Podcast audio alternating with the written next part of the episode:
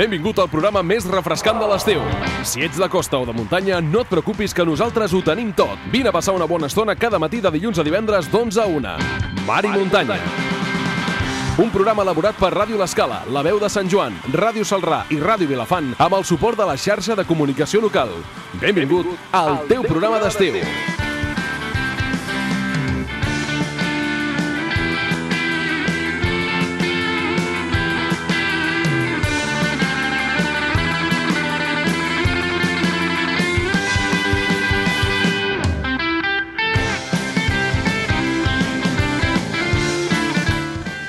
Molt bon dia, benvinguts a una nova edició del Mar i Muntanya, aquesta primera edició de Mar i Muntanya d'agost, del mes d'agost, aquest eh, dijous 1 d'agost, eh? comencem mes i comencem programa. Nosaltres ara mateix us acompanyarem fins la una, eh, us acompanyarem des de Ràdio Vilafant, des de la veu de Sant Joan, des de Ràdio Salrà eh, i des de Ràdio L'Escala també a Ràdio Llançà i Ràdio Montgrí, tot això amb el suport de la xarxa de comunicació locals que fa possible doncs, que estiguem enllaçades totes les emissores per fer eh, cada dia de 11 a 1 doncs, aquest mar i muntanya.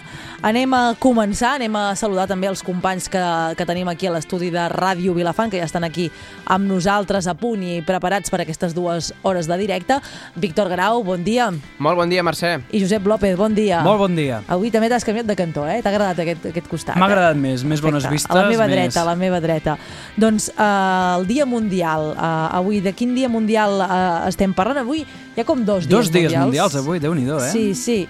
Uh, El primer explica'l tu, que tens més experiència, crec, en aquest tema. Vale, doncs eh, mira, sí, avui comença la Setmana Mundial de la Lactància Materna, que és de l'1 al 7 de- d'agost. Uh, aviam, uh, els que esteu posats amb aquest tema de lactància materna potser em direu, no, no, que la, que el dia la Setmana Mundial de la Lactància és el mes d'octubre. Sí, uh, la Setmana Mundial de la Lactància Materna és ara a l'agost, però aquí a Espanya es creia doncs, que a l'agost uh, tothom estava molt de vacances i uh, uh, quan es va instaurar aquesta setmana per, per reivindicar la lactància materna, doncs uh, no hi havia tantes xarxes socials, el món potser no estava tan globalitzat com ho està ara, i es va decidir doncs, uh, fer-ho a la setmana 41 de l'any, que seria quan, inici, quan un bebè iniciaria la seva lactància, que seria la primera o la segona setmana d'octubre. I dir-vos també aquest mes d'agost, del 25 al 31 d'agost, hi haurà la Black Breastfeed Week, eh, la setmana de la lactància, eh, per reivindicar les dificultats específiques que tenen les mares negres als Estats Units per poder alletar. I aquest és eh, el dia, un dels dos dies mundials que hi ha avui, i a més a més eh, crec que és important, I tant. perquè cal defensar doncs, la lactància perquè és una qüestió de salut, eh, de benestar i que crec que si tots eh, doncs, podem prendre llet materna doncs estarem molt més sants. I l'altre dia mundial, Víctor, aquest és, aquest és eh, divertit, no? Si més no? Per no dir una altra paraula. Sí, podem dir que és eh, un dia Alegre. alegre, perquè Sí. avui és el Dia Mundial de l'Alegria. I has triat aquest tema? Sí.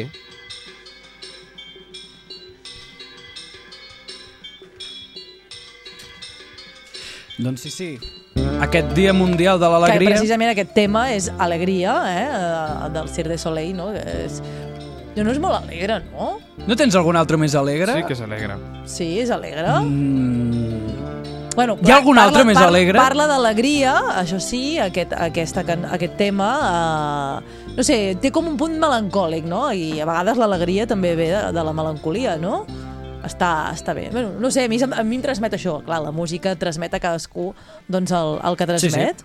Uh, doncs amb aquest tema d'alegria que ens posava Comencem alegres. en, en Víctor, anem cap a l'actualitat passada. Què va passar tal dia com avui? Doncs uns quants anys enrere, perquè comences, avui- comences molt enrere avui, eh? uf, enrere, bueno... Doncs mireu, com que comencem l'agost, comencem amb una efemèride d'August, de César August, en aquest cas, el 30 l'any 30 abans de Crist, prenia control d'Alexandria tal dia com avui. Ara ja ens anem uns anys més, més endavant. Eh? El 1876 arriben a Girona les monges de Sant Josep, procedents de Calella de la Costa, i s'instal·len a la pujada de Sant Domènec. El 1963 moria el bisbe de Girona, Josep Cartanyà, i el 1985 l'Ajuntament decidia no enderrocar la Torre de les Aigües després de rebre l'informe dels col·legis professionals d'arquitectes i aparelladors favorables a la seva conservació.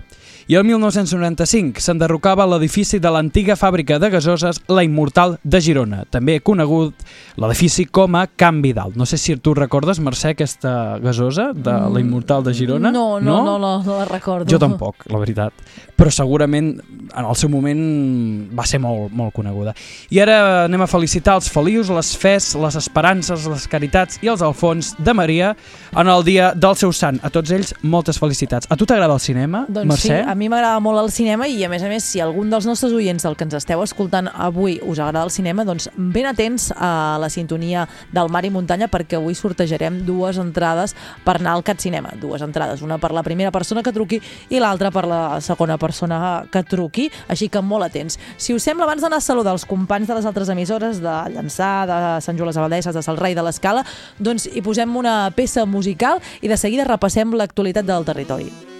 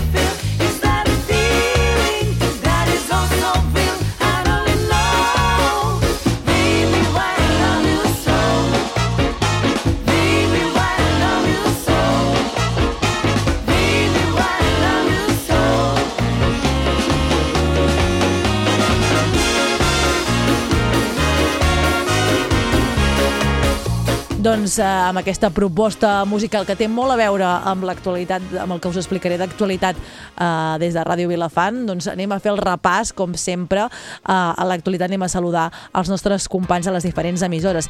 Ara anem cap a Mar, anem cap a Llançà amb el nostre company en Quim Agustí. Bon dia, Quim, què ens portes? Bon dia, des de Ràdio Llançà anem a fer un petit repàs de les activitats que tenim per avui i fins al cap de setmana. Uh, per avui tenim visites guiades en família, dues. Una és al Port i la Llotja, a les 5 de la tarda a la Llotja de Pescadors. En allà la gent que vagi en aquesta visita guiada, que és gratuïta, doncs veurà com es descarrega el peix, com es fa la subhasta i, i tot, tot l'engranatge des de que el peix arriba al port fins que, fins que ja marxa amb els, amb els compradors, amb els peixaters, i una altra, i aquesta, perdó, és a les 5 de la tarda a la llotja de pescadors, hem dit gratuït, i per reserva sempre a l'oficina de turisme, i l'altra visita guiada que tenim és el Wine and Beach, que és una ruta pel camí de ronda i es fan parades en llocs emblemàtics i, i, i de cert interès eh, paisatgístic i en allà es fan uns tastos de, vin, de vins. Això és a les 7 de la tarda també des de l'oficina de turisme del port i, i sempre les reserves s'han de fer a l'oficina de turisme. També aquesta nit a les 10 tenim sardanes amb la Copla Bisbal Jove a la plaça Major a les 10 de la nit i ja anem a recordar doncs, el que tenim per, per més endavant. Recordem primer de tot que el 14 d'agost tenim actuant a la platja de la Gola del Port de Llançà a Sau 30, que les entrades estan a la venda, que van les ventes a molt bon ritme, per tant, si, si, algú, si algú està interessat en aquest concert que s'afanyi, perquè si no es quedarà sense entrada, i això que n'hi ha encara gairebé mil, i que les entrades es poden comprar a la Casa de Cultura de Llançà o a tiquetea.com. I per aquest cap de setmana, doncs el que ja fa dies que anem dient, el Mac Marín, que si no tinc mal entès avui entrevistaràs des d'aquí a Ràdio Vilafant, que arriba aquest dissabte a dos quarts d'onze de la nit, entrades també a la venda a 10 euros, el dia de l'espectacle 12 euros. Per tant, val la pena, un, comprar les entrades abans, i dos, escoltar tot el programa, perquè si no m'equivoco també hi haurà sorteig d'entrades avui en directe. I doncs tant. això seria tot des d'aquí a Ràdio Llançà. I tant amb que una sí. temperatura de 23,2 graus, una humitat del 56%, si està de meravella. Doncs i tant que sí, eh, el que comentaves, eh, Quim, eh, tindrem eh, el plaer de parlar amb el Mac Marín, de poder-lo entrevistar i a més a més, doncs, si la, els nostres oients eh, segueixen atents, doncs potser tindran eh, sorpresa i podran veure'l eh, doncs, aquest cap de setmana a, a llançar, així que doncs una molt bona proposta que estiguin atents aquí al Mar i Muntanya. Gràcies, Quim Agustí, des de Ràdio Llançà. Ara el que fem és anar cap a la muntanya, cap a alta muntanya, ja està batejat com a alta muntanya, anem cap a Sant Joan les Abadesses, eh, amb el company de la veu de Sant Joan, amb en Guillem Planagumà. Bon dia, Guillem, per on passa l'actualitat avui a Sant Joan les Abadeses? Molt i molt bon dia. Ja se'ns ha quedat això d'alta muntanya. Demà en parlarem. Demà, demà us ho demostrarem, aviam si som alta muntanya o no, quan vinguem al, al bolo cap aquí, cap a, cap a Sant Joan. Doncs bé, avui des de Sant Joan estem pendents del ple de, que va haver-hi ahir, el ple de Raular, doncs, que va haver-hi a l'Ajuntament ahir al vespre. Uh, D'allà en van sortir un parell de notícies. La primera és que, bé, aquí si sou de Sant Joan o hi passeu, uh, sabreu que des de fa un temps, a la, una mica als afores de Sant Joan, a la colònia Lleudet, doncs porten ja uns mesos treballant i fent-hi unes obres. La, la colònia Lleudet és una antiga colònia industrial, industrial que ara des de fa uns mesos doncs, hi estan tornant a remenar, renovant algunes cases, tirant a terra d'altres i també, entre d'altres, doncs, um, fent-hi allà i volen fer una, una rodona, per exemple. Uh, I això, sempre, i començo també dient això, una mica sempre us referia a nosaltres com a alta muntanya, però heu de saber que la nostra zona té molta pagesia, sí, és veritat, però la indústria, i que aquesta ha estat el veritable motor econòmic del poble, i això de la, de la, de la colònia Lleudet n'és una, n'és una mostra.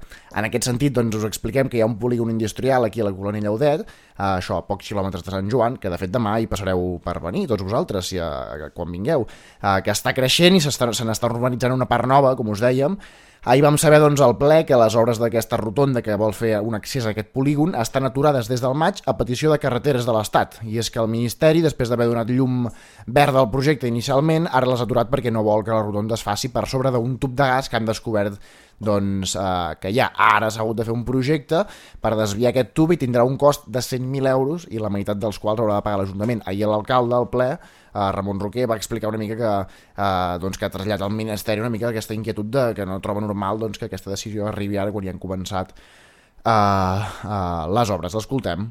El Ministeri, en aquest sentit, diu nosaltres tenim la potestat per dir allò que considerem oportú en el moment que considerem i, per tant, en aquests moments eh, us diem que ens heu de traslladar aquest cas.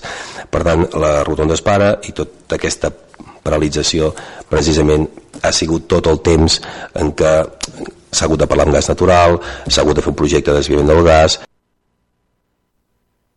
Uh, tot això, l'alcalde confia que les obres tornaran a arrencar aviat, deia aquest, mes, mes, aquest mateix mes d'agost, comentava. Al ple i també es va aprovar, per altra banda, la compra d'un immoble al número 10 de la carretera de Ripoll uh, per prop de 161.000 euros per millorar l'accés al barri de l'estació i també Ogassa. És, si sou de Sant Joan, doncs és la, el trencant que hi ha doncs, venint de Ripoll, que pot anar cap a Llames i cap a Ogassa. Hi ha una casa doncs, que ja fa anys que està gairebé en ruïnes, de fet fa uns anys hi va caure el sostre i ara estava sense sostre, doncs és aquella casa la que han ha comprat l'Ajuntament per fer-hi allà doncs, un accés millor cap, al, cap a, si pugues cap a l'estació cap a Ogassa i també per fer-hi fins i tot una, una zona verda, sembla que hi haurà uh, espai. Aquesta compra arriba després de que el consistori hi hagués comprat el magatzem que hi ha just al costat i fa, ja fa un més d'un any que el van comprar. Doncs fa un mesos van, van mostrar la voluntat de també uh, adquirir aquesta casa doncs, per poder fer uh, uh, aquest espai verd i aquest millor accés cap a la carretera d'Ogassa. Sergi Albic, portaveu de, de l'Esquerra Republicana de Catalunya i cap de l'oposició, eh, va explicar, però, per què van votar-hi en contra.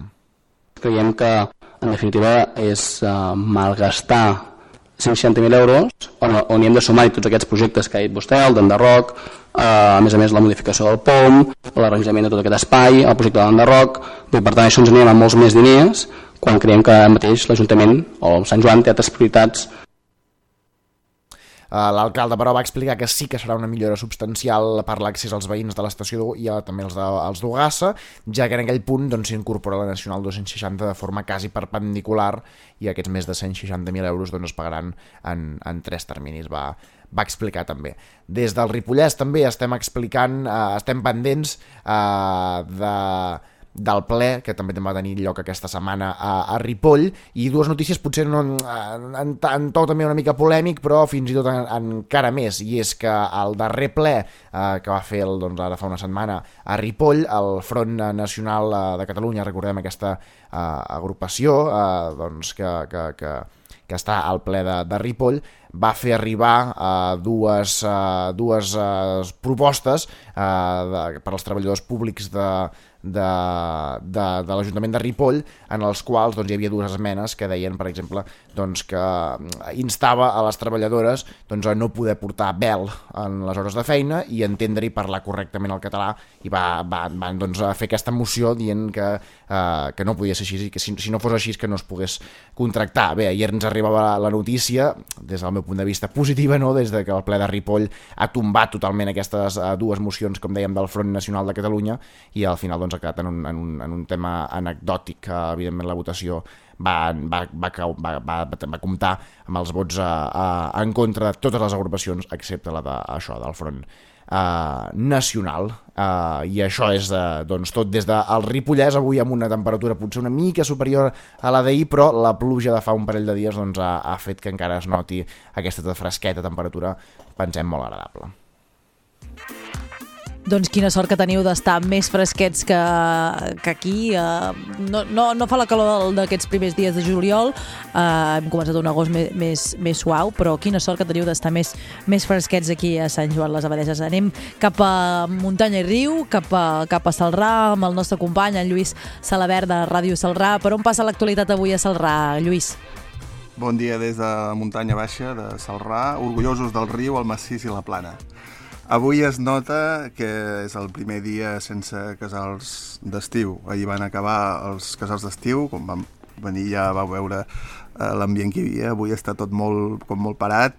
Eh, els cursos de, de l'Escola Municipal d'Art de Salrà eh, que han estat treballant eh, en el casal set tècniques artístiques diferents, començarà el proper primer d'octubre.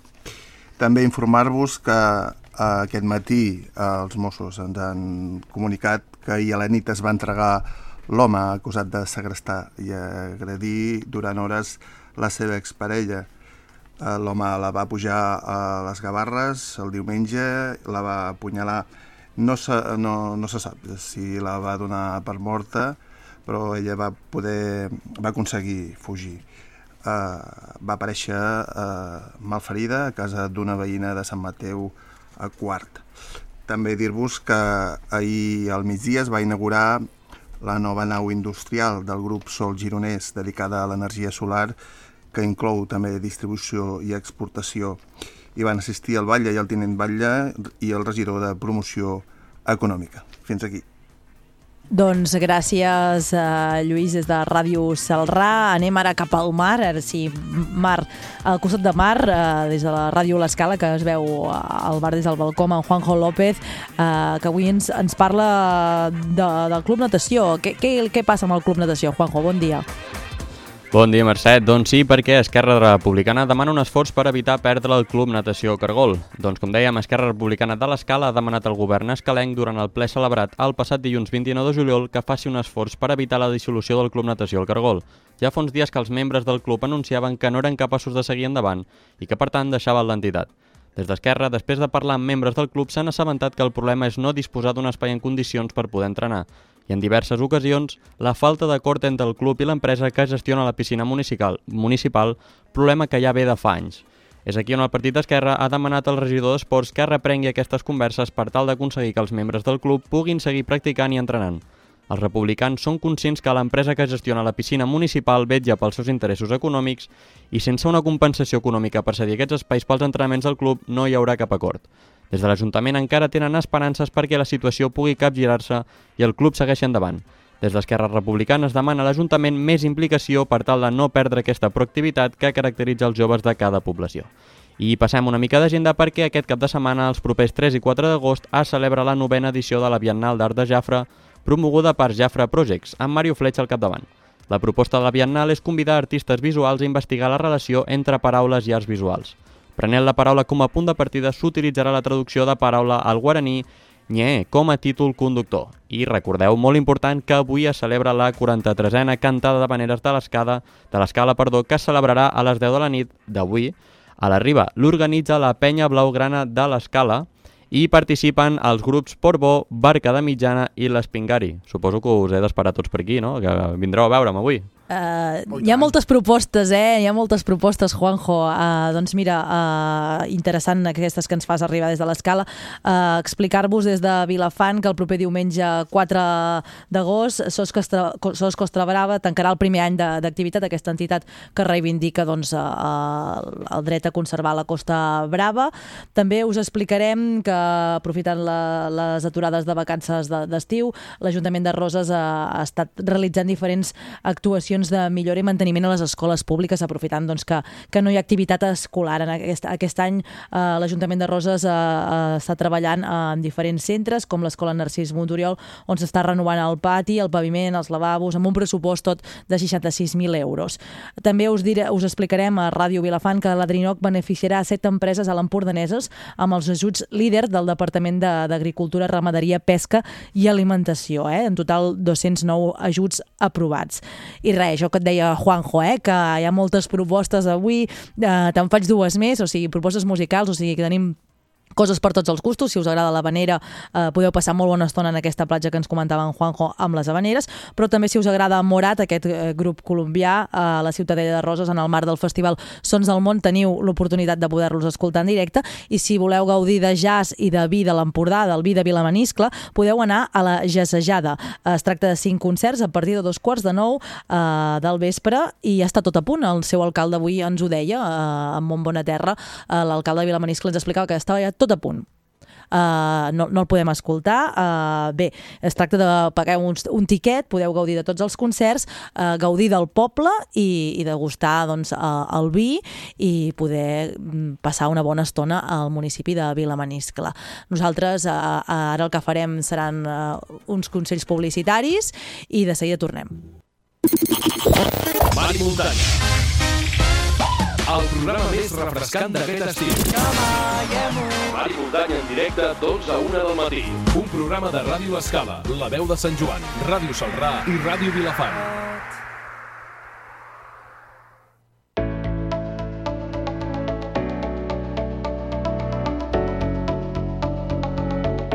Doncs ja sabeu que al Mar i Muntanya ens agrada descobrir diferents llocs, diferents indrets.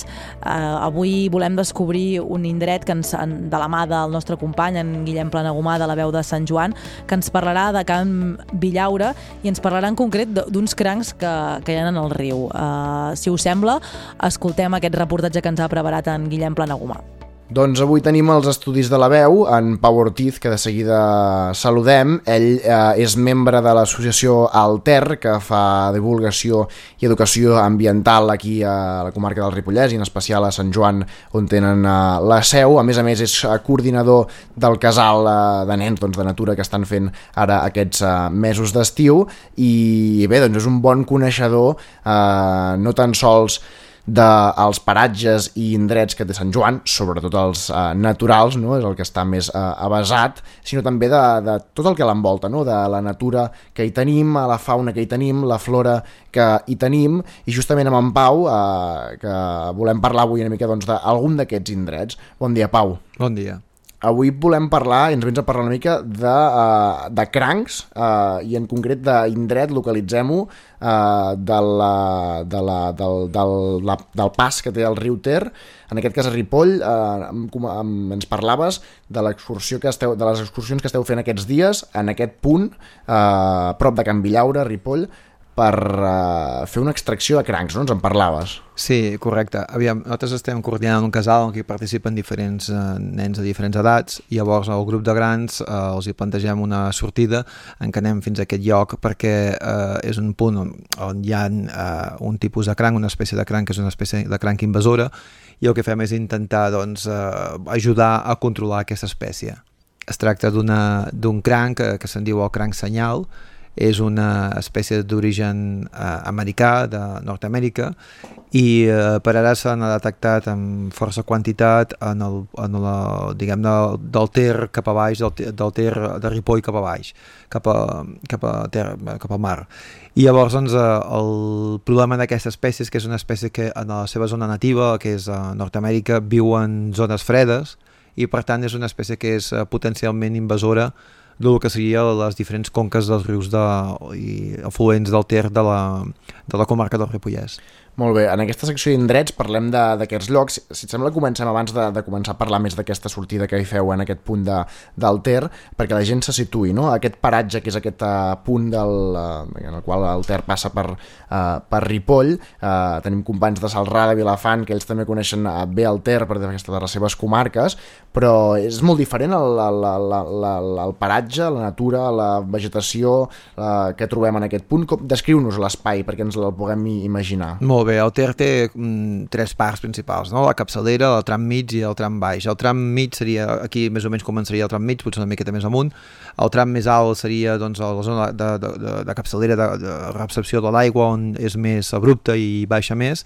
En aquí comença a su- a suavitzar-se, a fer un, un trajecte on que les aigües es mouen prou, però eh, ja no és una aigua molt remoguda. Eh, el, el riu ja és prou ample, s'han juntat els dos, el Freser i el Ter, tots dos proporcionen més aigua, hi ha força aigua en aquest tram d'aquí, i eh, bueno, actualment eh, a, a causa de les riguades que van haver-hi el 15 d'octubre i després de la gestió forestal que se n'ha fet, els boscos de ribera estan una mica mm, eh, reduïts per dir-ho d'alguna manera, però en tot cas hi ha una vegetació de ribera important amb salses, amb verns, amb eh, pollancres, amb diferents vegetació doncs, que fan un coixí de, de ribera a banda i a banda. Llavors doncs, eh, és un tram diguem-ne que mm, hi, hi ha zones que encara estan força eh, naturalitzades.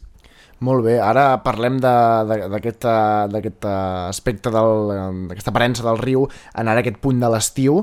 No sé si aquest, aquest punt del Ter canvia molt a l'hivern i a l'estiu, no tan sols a nivell de, de vegetació i, i flora i fauna que hi podem trobar, sinó també a nivell d'aspecte, no? Suposo que amb tots aquests eh, arbres que ens comentaves són eh, de fulla caduca, de manera que deu canviar molt l'aparença també del lloc. Sí, sí, de, tots ho són i per tant, sí, el, el, durant l'hivern l'aspecte és ben pelat i durant el- el- l'estiu doncs eh, tenim una, una frondositat eh, important en les zones on el bosc de Ribera es conserva, està clar. Um, a banda també hi ha el cabal que canvia, uh, el, estem en una comarca doncs, de muntanya, de capçalera, la, la, la pluviometria, aquesta, bueno, de fet a Catalunya és més abundant a la tardor i a la primavera i és quan portaria més aigua i a l'estiu pot fer algun cop d'aigua perquè poden haver-hi tempestes, poden haver-hi tempestes fortes eh, a capçalera. O a l'època, en principi, que podria ser que baixés una mica menys aigua seria l'hivern perquè si cauen precipitacions i fa prou fred, eh, serien en forma de neu o de gel.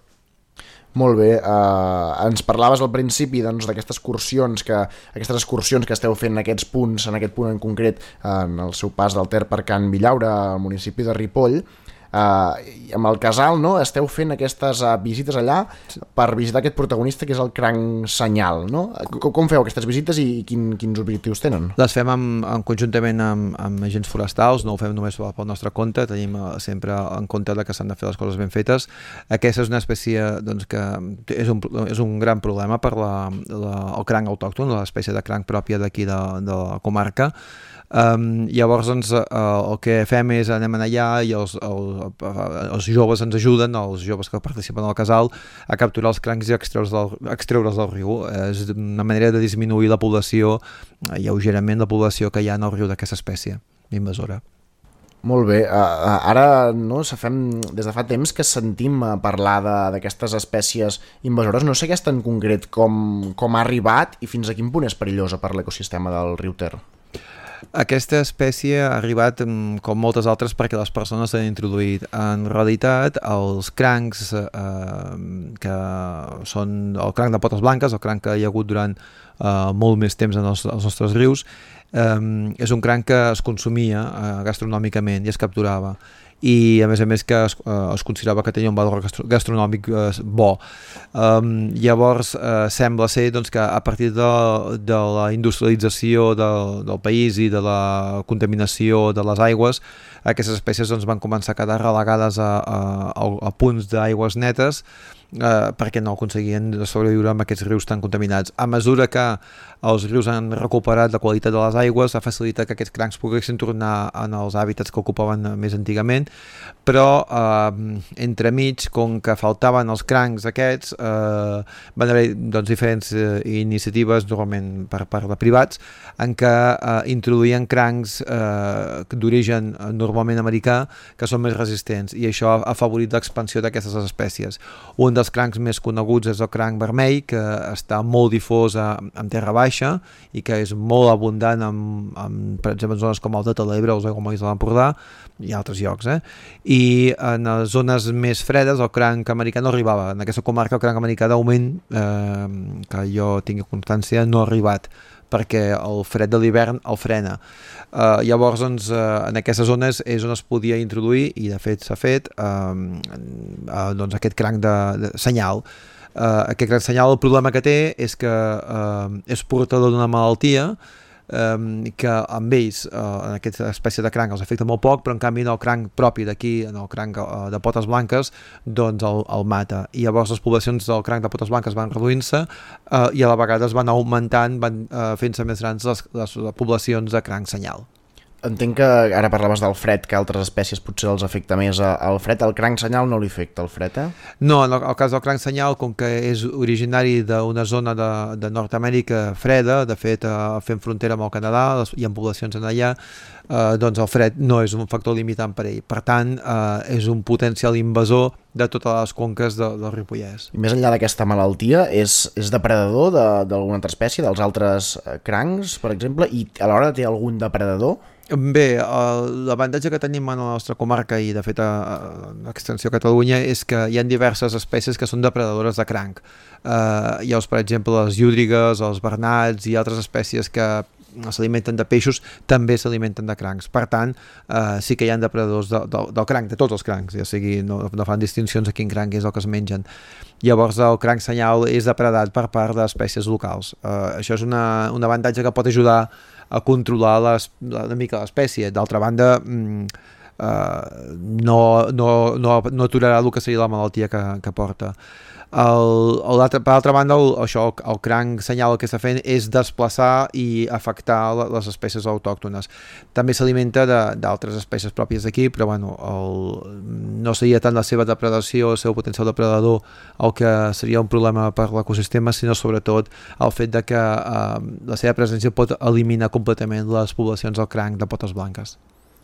Molt bé. Uh, parlava ara també d'espècies invasores aquí al Mar i Muntanya, al programa fa, fa dies que també parlem uh, de, de l'oruga del boix, uh, d'aquesta acre, aquesta polilla, que ara de fet fa, fa uns dies que potser en veiem menys, però a principi d'estiu, al finals de juny i principi de juliol, era absolutament uh, una plaga, no sé si potser de les més eh, alarmants també eh, a nivell doncs, això de- d'afectació de l'ecosistema i de, en una espècie en concret que és el boix que l'està doncs, eh, matant. No sé si per, per a prop del Ter eh, també en trobem de boixos i d'eruga del boix, per tant, i si és perillós també per, per, per aquest tipus d'ecosistema que estem parlant, com el de el riu Ter en aquest punt que aneu a buscar els crancs en el seu punt de, per Ripoll.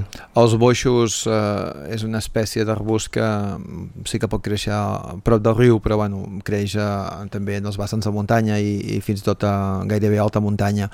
Um, sí que és veritat que la, la invasió de, de l'eruga del boix eh, que és també és una espècie exòtica i invasora doncs, està provocant una mortalitat massiva de, dels boixos. De fet, si parlem d'indrets, podem parlar de, de Veget, de la comarca, i eh, els entorns de Vegets, eh, els boixos actualment són esquelets, són, són completament eh, morts o pràcticament completament morts. També hi ha una altra zona una miqueta per sobre de Sant Joan, direcció Camprodon, també que està, els boixos eh, són mates de color marron que omplen el paisatge. Mm, sí, ara se'n veuen poques, eh, però pel que tinc entès, les erugues del boix són capaces de fer de dues a tres generacions en un estiu. És a dir, Mhm. eh, nosaltres eh, hem passat ja una fase d'oruga, hem fa passat la fase dels papallones i ara diguem que estaríem amb la covant-se la segona fase d'orugues. Per tant, en, en pocs dies o en poques setmanes podrem veure una altra vegada moltes eh, papallones que tornen a volar ja, que seria la segona generació d'aquest estiu. Molt bé, alarmant a més a més el fet de, de la invasió de l'eruga del boix, no tan sols per, per el fet que mati doncs, tots aquests boixos, que ja és prou greu, sinó també per, per tot el que genera, no? entre d'altres, a tots aquests esquelets que ens comentaves a, a, a bosc tancat, que doncs, fan que el sotabosc sigui molt més sec i que augmenti eh, el, el risc d'incendi, i que, com, si no m'equivoco, com estem ara mateix al Ripollès, en segons quines zones, potser aquestes que comentaves, en risc d'incendi, un fet que aquí al Ripollès no havia passat mai. Bé, és una zona que poden haver incendis, però a causa de la seva temperatura més baixa de mitjana i la seva humitat més elevada per les precipitacions, és una zona doncs, que potser l'afectació dels incendis és menor, però evidentment si tenim una massa mm, de combustible eh, seca eh, i que no és verda, doncs eh, pot facilitar la, propaga la propagació d'incendis. Eh, sí. Hem de tenir en compte que hi ha zones del, de la Garrotxa mm, que l'afectació de la papallona del boix ja ve de fa més temps, que el, es parla que el 85% o més dels boixos són, són, són morts. O sigui que aquí sembla que anem a, cap al mateix camí. Molt bé, a Pau Ortiz avui hem parlat d'aquest uh, indret que es troba en el pas del Ter uh, a Ripoll, a Ull de Ter hem començat parlant d'aquests uh, crancs senyal que hi aneu a buscar doncs, per fer-ne una recollida per bé, doncs, mi- mirar de regular la seva població amb el perill doncs, que comporten per uh, l'ecosistema. Hem acabat parlant de les orugues del boix, en tot cas aquestes uh, espècies invasores, que és una realitat, imagino, doncs, dels nostres boscos. Nosaltres avui t'acomiadem, gràcies per venir-nos a parlar d'aquest indret que tenim aquí a, a la nostra comarca uh, del Ripollès. Moltes gràcies. Doncs eh, un indret molt interessant, eh, a més a més amb aquestes, parlant d'espècies invasores, que també és interessant eh, sempre doncs, per tenir-les en compte i per, per saber si, si es pot buscar una solució. Ara el que volem fer és, eh, us explicava jo l'actualitat, eh, doncs que avui a Roses hi haurà aquest, aquest grup colombià, Morat, eh, si us sembla, pels que no sé si us agrada o no, o si teniu entrades o no per aquest eh, concert de- d'avui de Festival de Sons del Món, doncs si teniu ganes d'anar-hi o encara no us ho heu plantejat, us posem un tema per, per fer eh, entrar ganes de Morat. Eh, escoltem aquest tema de Morat. ¿Qué será de ti? Te tuve cerca y ahora estás tan lejos. Pero prohibirme recordar lo nuestro es imposible, es imposible. No me perdono, sé que te perdí. Pero expiraron los remordimientos. Fui dictador y el no dejarte ir debe haber sido mi primer decreto. Cuatro años sin mirarte, tres postales y un bolero. Dos meses y me olvidaste y ni siquiera me pensaste un 29 de febrero. Andan diciendo por la calle solo le eres fiel al viento. El mismo que nunca hizo falta para levantar tu falda cada día de por medio. ¿Cómo te atreves a volver?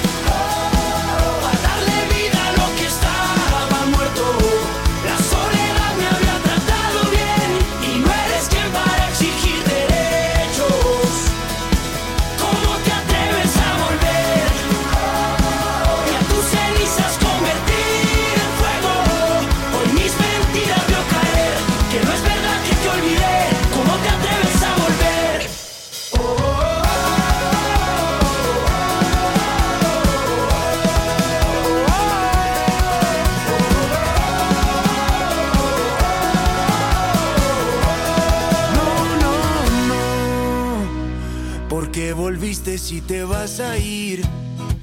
Tantas mentiras que al final no veo. Nunca fui bueno para distinguir. Al fin y al cabo siempre me las creo. Cuatro vidas me juraste. Tres te odio y un te quiero. Dos consejos para darte. Prefiero ser un cobarde que olvidarte de primero. Andan diciendo por la calle. Andan diciendo por la calle. Que solo le eres fiel al viento. Que solo le eres fiel al viento. El mismo que nunca hizo falta para levantar tu falda cada día de por medio. ¿Cómo te atreves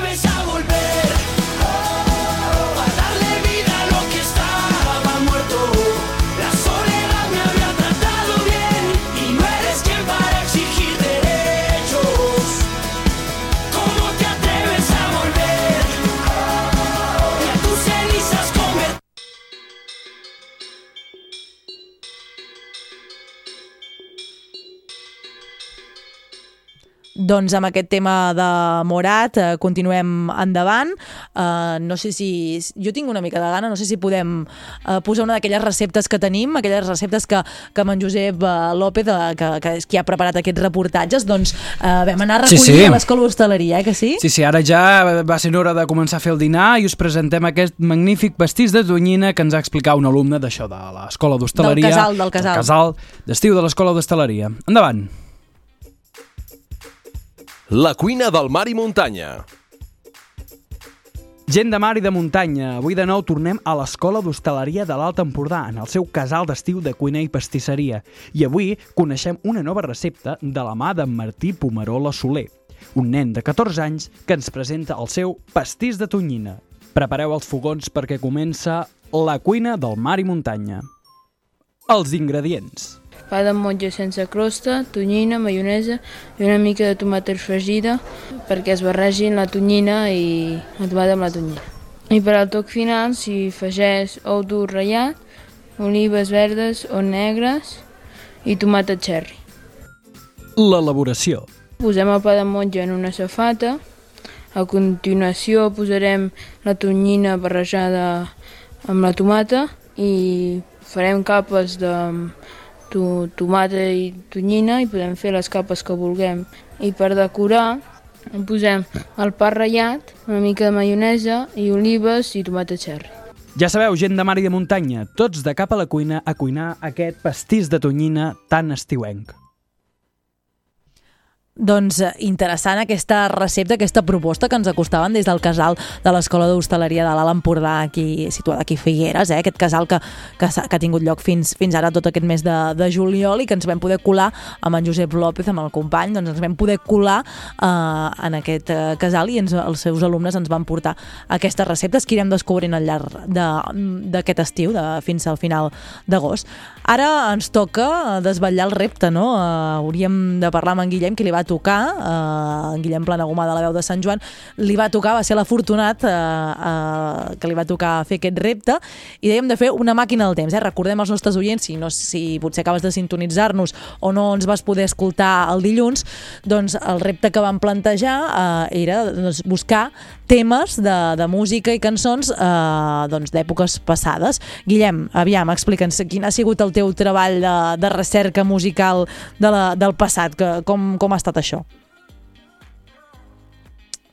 Em va tocar aquest repte que a mi ja vaig dir que, que m'anava bastant bé, igual que hi ha alguns, ha, ha hagut alguns altres reptes més compromesos, jo que sóc molt de música, el repte d'avui era una mica, doncs, una mica light, no? fer un repàs a, a la història de la música a través de, de, de cançons. Uh, i, I res, si voleu anem, a, anem al gra directament, no? He fet una mica una regressió temporal, no?, de més uh, antic a més uh, modern. Has començat a l'època dels romans o, o quina època has començat? Gairebé. Ara, allà hi havia cançons però se sentien fatal, aleshores eh, he optat per coses una mica més contemporànies, tot i que la primera que anem a escoltar, que si voleu n'escoltem les primeres notes, de contemporani en de poc.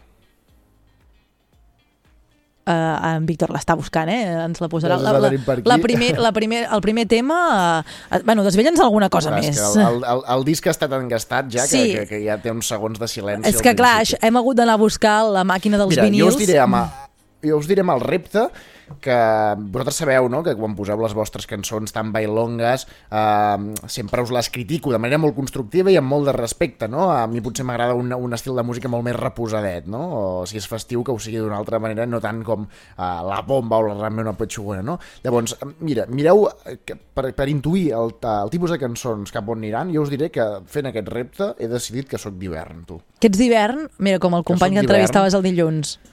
Que sóc d'hivern, que sóc d'hivern, perquè, bé, això, eh, és, és així, no? És, és curiós, no? Quan busques cançons d'estiu, eh, mira, mira, ja sona, ja sona, Que, ja sona, qui, ja sona. aviam, aviam. No tinc ni idea de què és això, eh? De seguida ho sabreu.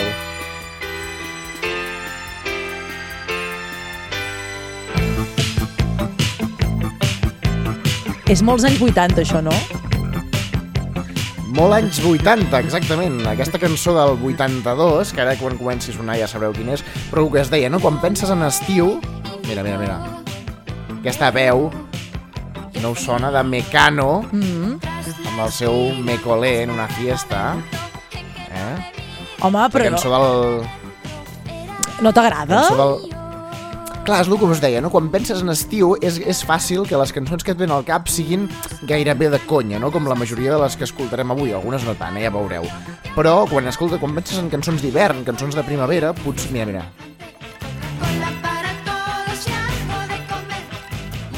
És que... Això, quan penses en, en hivern o en primavera o en tardor potser et venen coses més profundes, més melangioses, no? En canvi, estiu és absoluta bogeria i... total.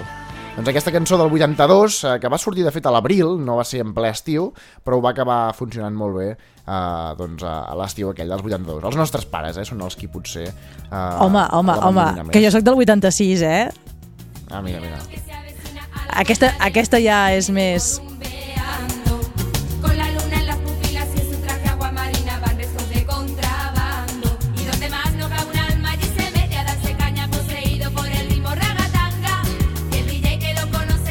Mira, aquesta cançó... Això és la sèrie G de l'Sketchup, eh, no? Abans si parlàvem d'una cançó, fet un salt de 20 anys, no? Mira, aquesta cançó és l'estribillo. Deixem l'estribillo, deixem l'estribillo.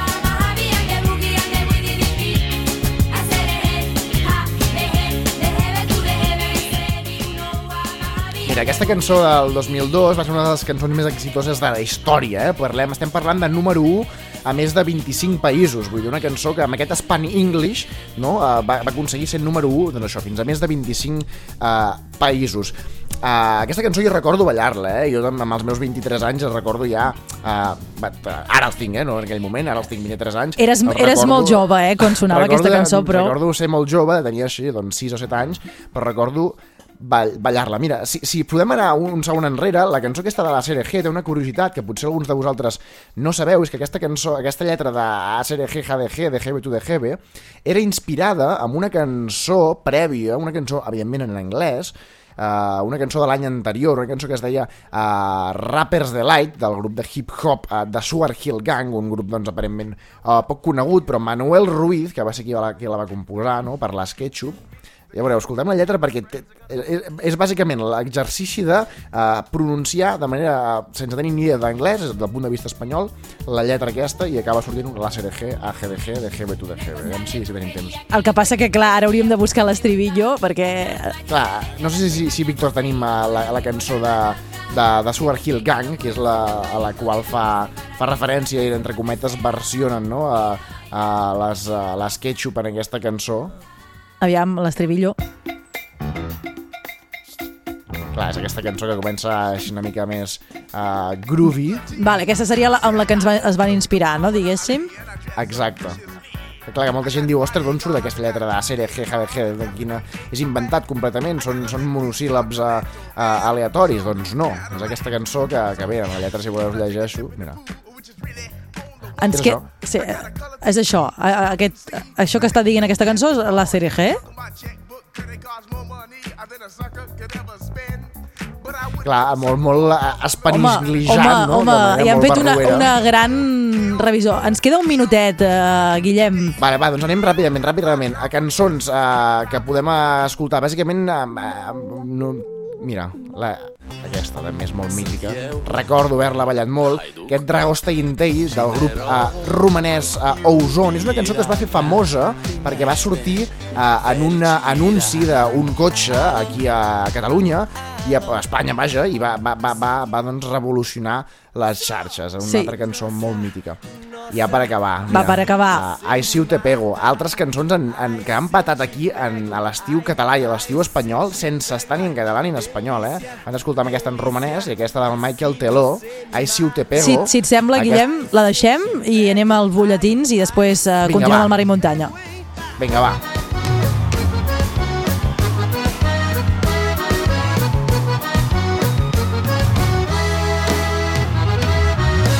Sábado na balada. Mar i muntanya. El programa més refrescant d'aquest estiu. Mar i muntanya en directe, 12 a 1 del matí. Un programa de Ràdio Escala, La Veu de Sant Joan, Ràdio Salrà i Ràdio Vilafant.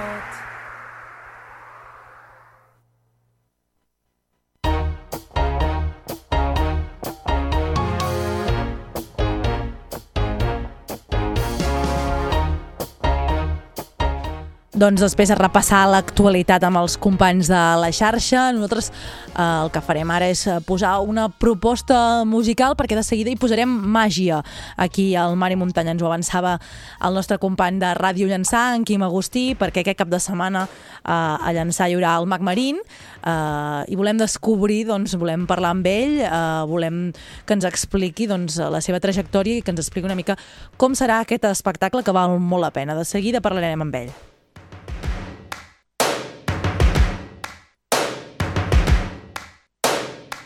First things first, I'ma say all the words inside my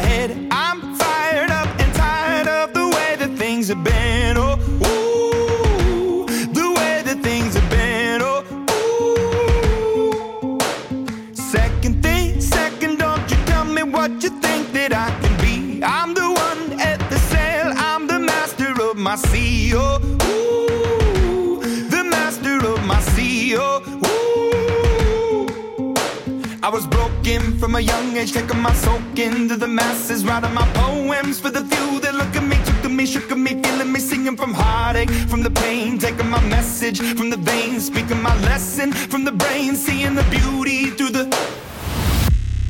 Hey, you burn me up, you burn me believer, believer.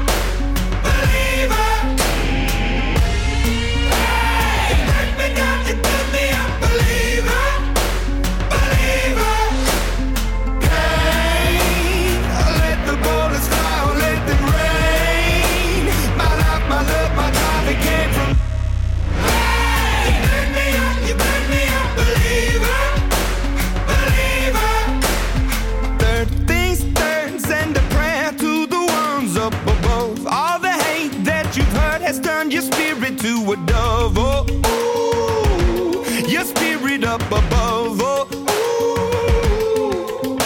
I was choking in the crowd, building my rain up in the cloud, falling like ashes to the ground, hoping my feelings they would drown, but they never did. Ever lived, ebbing and flowing, inhibited, limited till it broke open and rained down. It rained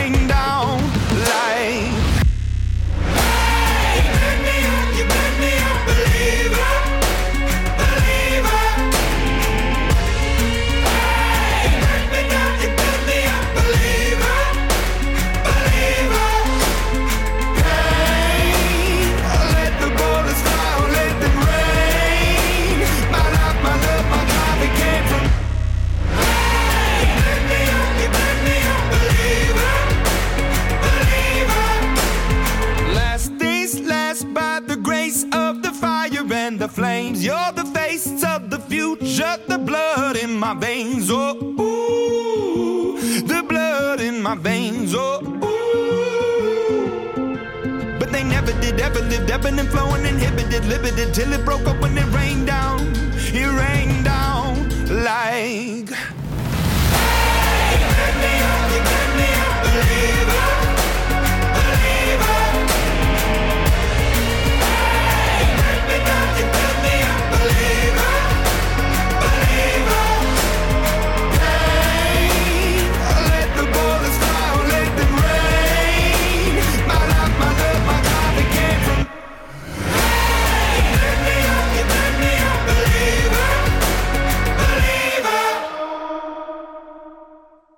Remulla't amb el mar i muntanya de Ràdio L'Escala, La Veu de Sant Joan, Ràdio Salrà i Ràdio Vilafant. Doncs sí, ens remullem després d'aquesta proposta d'Imagine Dragons. Anem a posar-hi màgia. A, a, més, la màgia de la ràdio permet doncs, que estiguem en xarxa i aquesta entrevista uh, la faré amb el, amb el company Juanjo López de, de Ràdio L'Escala, que està aquí amb nosaltres. I ara el que volem fer és conèixer el Mac Marín. Uh, si us sembla, el saludem. Uh, Mac Marín, benvingut del Mar i Muntanya. Hola, què tal? Molt bon dia. Molt bon dia. Uh, aquest eh, dissabte 3 d'agost a la Casa de Cultura de Llançà presentaràs eh, l'espectacle de Magic Showman. Uh, abans que res, explica'ns uh, una mica què es trobarà el públic que vingui fins a Llançà aquest dissabte. Què veurà? Home, doncs, eh, jo crec que el millor, eh, la màgia és molt complicada d'explicar, perquè com que són coses impossibles, és, és complicat d'explicar. Però bàsicament serà un espectacle en el que serà una cosa super participativa on, on poden venir eh, tot tipus de públic eh, i serà un espectacle on, amb molt d'humor, efectes espectaculars, on el públic eh, serà partícip, no? eh, gent que flota en l'aire, gent que apareix, desapareix, eh, molt d'humor i sobretot doncs, doncs, eh, molta espectacularitat com s'espera també en un espectacle de màgia, clar. Ostres, uh, m'has deixat sorpresa. A més a més, uh, aquesta participació que deies, i un altre dels ingredients importants és la banda sonora. Explica'ns, uh, quin paper hi juga? Home, doncs eh, jo crec que la música mou muntanyes. Llavors, la, la banda sonora de l'espectacle és una de les coses del, del qual estem més orgullosos perquè, perquè és, és espectacular. No, cap cançó s'assembla a l'anterior, vull dir, és molt variada, eh, trobareu temes doncs, per tots els gustos, eh, coses més, més animades, coses més poètiques, i, i vaja, jo crec que és, un, és una muntanya russa d'emocions. De, de, d'emocions. Molt bones. Uh, ara, ara entro en un dubte. Com t'he de dir, pel teu nom o Mac Marín? Això t'ho deixo clar- a la teva elecció. Això, mira, jo em dic Josep, però si tu em vols dir... Tots els amics em diuen Marina, així que com tu vulguis. Vale, doncs aquí a la ràdio, com som tots amics, et diré Marín, vale? Correcte, vinga. Molt bé. Doncs, com dèiem, aquest dissabte actues a Llançà, després d'haver actuat a grans sales, com el Club Capitol. Uh, adaptes el teu espectacle segons la sala on actues o més o menys sempre fas el mateix? Bueno, eh, l'espectacle sempre, la base de l'espectacle sempre és semblant, però clar, eh, el, el, la, la part tècnica del teatre sempre, cada teatre és diferent, és un món, llavors eh, intentem adaptar, però jo crec que a Llançà hi ha una molt bona casa de cultura i, i veureu un espectacle doncs, molt ben preparat a nivell, a nivell d'equipació tècnica, així que eh, us recomano que vingueu perquè serà estupendo.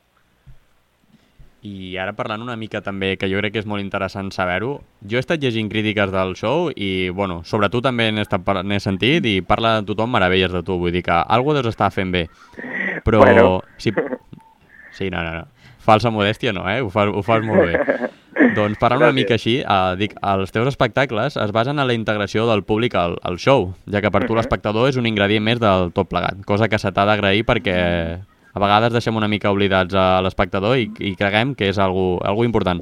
Doncs com és aquesta integració del públic? Quin paper hi juga l'espectacle?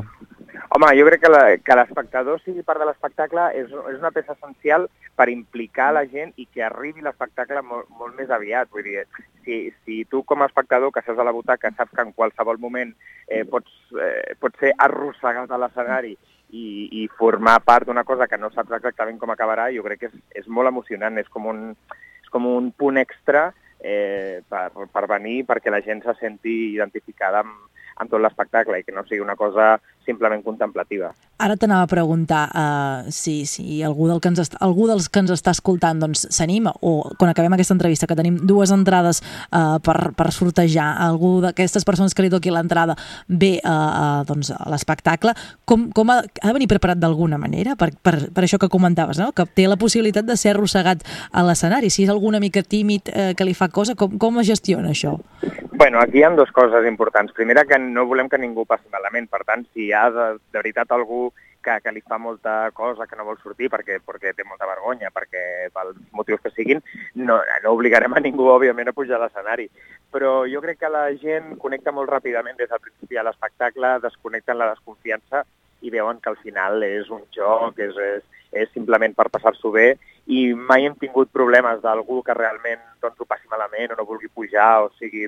És de, de, de seguida la gent ja ve predisposada a veure màgia i és més, molta gent vol sortir a l'escenari perquè vol veure l'impossible, vol captar la trampa eh, ben de prop i llavors això és, és un motiu més doncs, per pujar. Parlant del possible i l'impossible, suposo que això que deies tu de captar la, la, la trampa és impossible, no? Mm, Bueno, això es depèn de la qualitat del mag, eh? però, però bueno, el que nosaltres intentem és practicar, assajar moltes hores davant del mirall doncs, perquè la gent s'il·lusioni i perquè la gent no, no capi la trampa i aconseguir aquest moment de, de tornar doncs, a la infantesa i de, de que la gent eh, senti coses que, que, que no, no els hi poden resoldre al, al, al Google. Això és una altra cosa que ens agradaria preguntar-te i moltes vegades s'associa una mica la màgia amb el fet d'un públic bastant jove, no? Per, dir, per no dir infantil. Però jo personalment penso, he anat a shows de màgia i, i surto d'allà que sembla un nen de 5 anys. Vull dir, Correcte. i no crec que el teu sigui di- diferent. Què, què li, o sigui, com descriuries aquesta màgia que ens fa tots tornar com a, com a ser nens? No? Tot i ser també per públic adult, tots tornem a ser nens.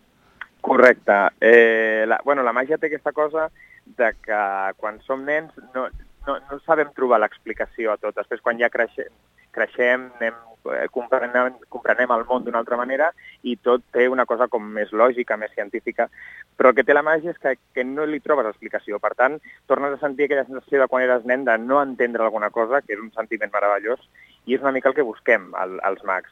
També t'haig de dir que la, la màgia com en si va ser creada per un públic adult. Eh, després, amb els anys, doncs, s'ha anat, eh, com, eh, entre, entre cometes, s'ha anat eh, prostituint, s'ha anat eh, degradant una mica i, i ha quedat com en, en un pla doncs, més infantil, més tal, però, però la màgia va dirigida al públic adult va dirigida pel públic adult, però pel nen que portem dintre, no és que vagi pels nens. És, és, és per tothom, evidentment, però, però va per aquell punt més racional de la ment que, que, que nosaltres, no, els adults, no hem perdut amb, el, amb els anys i, i, i tornar-hi és una meravella. Molt bé. Si ara tu, un nen o un adult, eh, així és una pregunta més curiosa, eh? Et Mhm. pregunta, la màgia és real? Què li contestaries? Ostres, és que la màgia és real. Eh, és a dir, vale, eh, sí, Ah, eh, jo, jo li contestaria que sí, que la màgia és real, però perquè la màgia, eh, vale, sí, té una trampa, té una tècnica, té una cosa, però la màgia de veritat succeeix a la ment de l'espectador. Quan, quan, jo, quan nosaltres tallem a una persona per la meitat, eh, i evidentment hi ha una trampa, però, però en, en el cap de l'espectador està passant la màgia i assumeix que allò que està veient és real perquè ho està veient amb els seus propis ulls. Llavors, eh, eh, es crea aquesta, aquest conflicte que és, que és divertit i és màgic a la vegada. Llavors, la màgia sí que existeix, evidentment hi ha unes tècniques, però, però el que passa a la ment de l'espectador és màgia. És que, en, en definitiva, la vida tam- també és màgica, no? Vull dir, el fet de, de néixer i d'estar aquí tots vius tam també té un punt màgic, no? I tant, i tant, i tant. Hi ha molts moments màgics a la vida, el pas els definim d'una altra manera, però, però la màgia de veritat existeix. Eh, si parlem de tu, podem assegurar que, que ets una persona, tot i ser jove, eh, doncs que tens una gran trajectòria en el, en el món de, de la màgia. Eh, primer a la tele sent guanyador del concurs Pura Màgia, eh, després amb grans teatres i grans sales. Com es porta aquest èxit o, o com es treballa això? Bueno, jo crec que la màgia, com qualsevol carrera artística, és una, car és una, és una carrera de fondo, no? És, és, és com... Eh, passes per, molt, per molts moments molt àlgids, passes, passes per, per, eh, per moments molt baixos, és un, i és treballar-ho cada dia i esforçar-te cada dia en, en ser millor, en millorar i sobretot doncs, eh, treballar-ho des d'aquesta humilitat de, en els moments d'èxit doncs, saber aprendre i en els moments dels fracassos, que també n'hi ha molts, doncs aprendre també. Uh, com et vas uh, decidir per la màgia des de petit? Uh, com et va sortir el coquet? Com et va picar aquest coquet uh, per dedicar-te a aquest món? Doncs mira, va ser arrel de veure un programa que feien a Antena 3 fa molts anys, que es deia Megatrix, que no sé si el recordareu, que era un Sí, programa sí, així, el recordo. Eh, del jovent.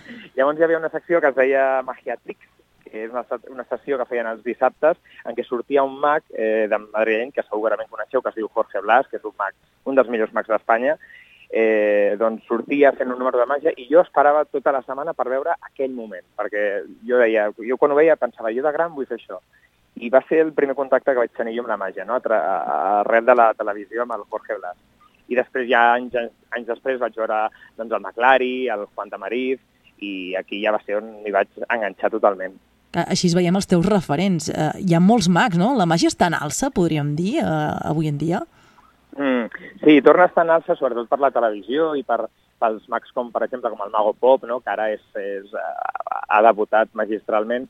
I, I sí, va estar molt de moda en els anys 80, després va, va fer com una baixada, que va passar una mica així com de moda, es va, es va retirar més en els clubs nocturns, en les festes això, doncs, més infantils, però ara sembla que s'està tornant un altre cop doncs, a posar de moda doncs, gràcies a la televisió i tenim grans, grans mags i grans artistes aquí a, a, a nivell espanyol, o sigui que això és estupendo. Ara, ara parlàvem una mica d'aquests referents. Jo des de petit que me'n recordo d'en Jorge Blas, però també me'n recordo, no sé si tu l'has arribat a conèixer alguna vegada, uh, hi havia un programa a la tele que hi havia com un detractor de la màgia que explicava cada truc en concret de, de, de màgia. Què en penses d'aquesta gent que vol treure-li La màgia a la O sigui, màgia. que la paraula, sí, sí. Bueno, eh, aquest, aquest eh, senyor que tu dius és, és el, el programa del mago enmascarado, es deia, que era un mag que sortia amb una màscara i explicava, revelava els jocs de màgia. I, bueno, eh, també la màgia, que té aquest, aquest punt de puzzle una mica, de, de, no saber, de que no entens alguna cosa, doncs aquest senyor doncs, va aprofitar la vinentesa no? i va dir, mira, aquí jo crec que aquí em podré... Jo crec que no, no, no es va fer amb un ànim de, de desbancar a los magos, sinó eh, una manera d'aprofitar doncs, això que la gent no sap i aprofitar-ho amb, amb ànims lucratius, no? per fer un programa de televisió. Però no ha fet gaire mal a la màgia. És a, tothom coneix aquest programa, però la gent segueix venint, segueix venint a l'espectacle, eh, segueix veient com es talla una persona per la meitat i, i, i es segueix sorprenent. Per tant, vol dir que l'efecte negatiu d'aquest programa no ha, no, no ha sigut rellevant, per així dir-ho. Bueno, millor. Doncs malauradament se'ns acaba el temps, uh, Marín, com m'agrada mi dir-te. Mhm. eh, T'hem de fer una pregunta que és obligada. Vinga. Aviam què et sembla. Uh, tu saps que el programa, bueno, no sé si ho sabies o t'ho han dit, el programa s'anomena Mar, Mar o Muntanya o Mar i Muntanya. Sí. Tu ara ens has de contestar què prefereixes, si el mar o la muntanya. No val dir riu. doncs mira, eh, ara mateix estic a damunt d'una roca en una platja a, a Mallorca, així t'ho dic. Ostres. estic fent l'entrevista a- en, en banyador des d'una roca, per tant... Volem diré una foto, mar. volem una foto. jo, jo us l'envio, no patiu. Però estic a mar, mar sense dubte. Perfecte, doncs, eh, doncs a Mar estaràs eh, aquest dissabte, 3 d'agost, a la Casa de Cultura de Llançà. Una frase molt ràpida eh, per animar a tothom, perquè tenim dues entrades en joc, a que truquin aquí al Mar i Muntanya i puguin guanyar aquestes eh, eh, dues entrades per veure aquest espectacle aquest dissabte. Què els hi diries? Doncs és que no us vull convèncer de res. Veniu, rieu, desconnecteu la desconfiança i, sobretot, sorpreneu-se. Doncs eh, moltes gràcies, Mac Marín, per estar amb nosaltres avui al, al, al Mar i Muntanya. Ha estat un plaer. Nosaltres ara posarem una peça musical, eh, a veure si la gent s'anima, i gràcies i que tinguis molta sort i que vagi molt bé l'espectacle d'aquest dissabte. Gràcies a vosaltres. Nosaltres seguim endavant, posem una peça de música per donar temps. Recordem telèfons, primer de tot, sí, perdoneu, ja m'oblidava jo. Uh, recordem telèfons, posem una peça musical i de seguida sortegem aquestes dues entrades per anar a veure el Mac Marín, recordem, aquest dissabte 3 d'agost a la Casa de Cultura de Llançà. Recordem telèfons? 972 54 63 02. 972 54 63 02. Doncs ja ho sabeu, si voleu guanyar aquestes dues entrades, realment val molt la pena després de l'entrevista que acabem d'escoltar. Uh, ja sabeu, heu de ser els més ràpids en trucant. Tenim dues entrades. La primera persona se n'emporta una, la segona persona que ens truqui se n'emporta una altra. Vinga, ja ho sabeu, posem una proposta musical i de seguida continuem endavant al mar i muntanya. Hey, brother, there's an endless road to rediscover. Hey, sister, know the water's sweet, but blood is thicker. Oh, if the sky comes falling down for you, there's nothing in this world I wouldn't do.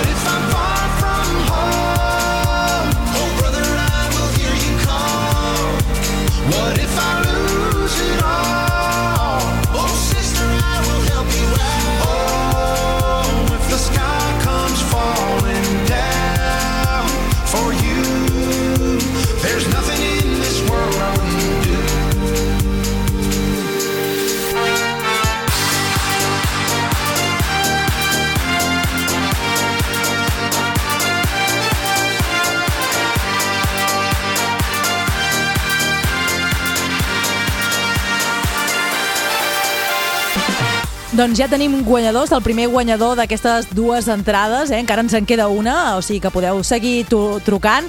Uh, doncs ens ha trucat uh, en Dani. Uh, des d'on ens truques, Dani? Hola, bones, des d'aquí Figueres. I amb qui aniràs a, a, a gaudir d'aquesta entrada que et regalem al Mar i Muntanya? Segurament amb el meu fill. Doncs que la disfrutis molt i moltíssimes gràcies uh, per trucar, Dani, que gaudeixis. Molt bé, gràcies. Doncs ja tenim un guanyador, eh, ja ho heu vist. Uh, queden, ens queda una altra entrada en joc. Si voleu gaudir de la màgia, uh, aquest dissabte, dia 3 d'agost, a la Casa de Cultura de Llançà, amb aquest espectacle del Mag Marín, eh, hem pogut parlar amb ell. Uh, veniu a sorprendre-us, a gaudir, a gaudir de la màgia de la, de la vida, com dèiem amb ell. Recordem, recordem els telèfons. 972 54 63 02. 972 54 63 02. Doncs uh, fem uns consells publicitaris i encara us donem temps perquè pugueu uh, trucar per guanyar aquesta entrada que tenim encara en joc per veure el Mag Marín. Fins ara mateix.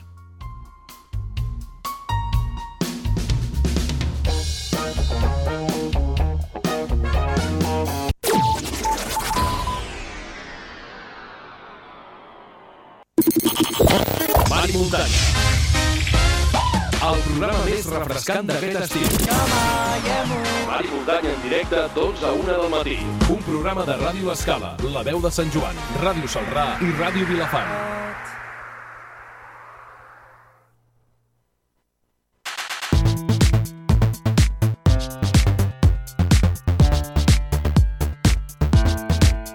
Crispetes i acció, el millor cinema i les millors sèries. Doncs després d'aquests consells publicitaris, recordem, eh, als nostres oients que ens estiguin escoltant, que tenim encara una entrada en joc per veure el Mag Marín i també tindrem dues entrades uh, de cinema per anar al cinema, perquè avui és dijous i com bé deia el nostre separador, doncs uh, toca crispetes el millor cinema i les millors uh, sèries. Nosaltres, uh, si us sembla, comencem companys, us tinc per aquí, eh? Uh, Guillem, Uh, també Som tenim, perfecte, tenim en Lluís amb en Josep Mir i tenim també en en Juanjo López amb el seu crític.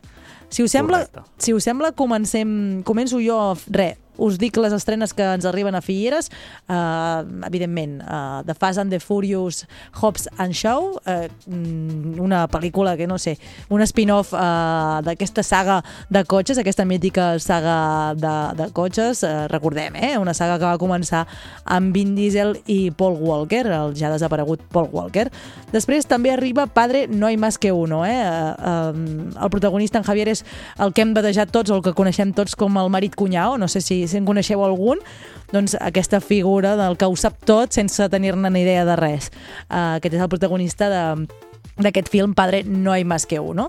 I després també ens arriba a les cartelleres Remember Me, uh, un, podríem dir un drama amorós, podríem dir, després de descobrir que el seu antic amor pateix Alzheimer, un vidu profundament enamorat d'aquesta persona doncs fa el possible per entrar en una residència d'ancians i poder-se així reunir doncs, amb la mort de la seva vida, eh? una pel·lícula romàntica doncs, amb el sedàs d'aquest problema em, que té aquest, el seu amor.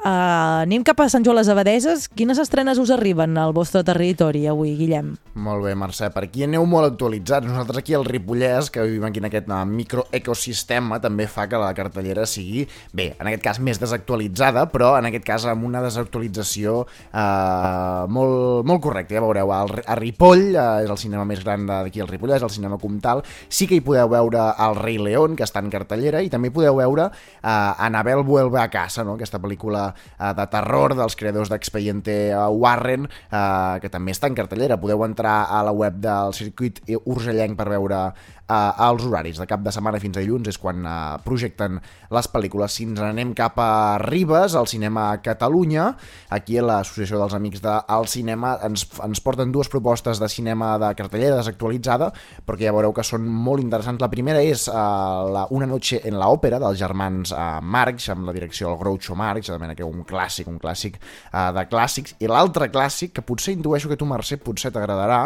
que és el viatge de Shihiro, aquesta mítica pel·lícula uh, d'animació uh, japonesa, no? Uh, guanyadora del Globo de Oro al Festival de Cannes a millor pel·lícula, uh, en el seu moment, això Doncs sí. eh, no és la meva preferida de tota la, de tota la saga de, Vale. de, de, de, de l'estudi Gimli, que és l'est- l'estudi d'aquesta pel·lícula, però m'agrada molt. I a en Juanjo també li agrada. Per això estem sentint que està tossint. Vale, vale. En Juanjo López també és gran fan d'aquest tipus de pel·lícules.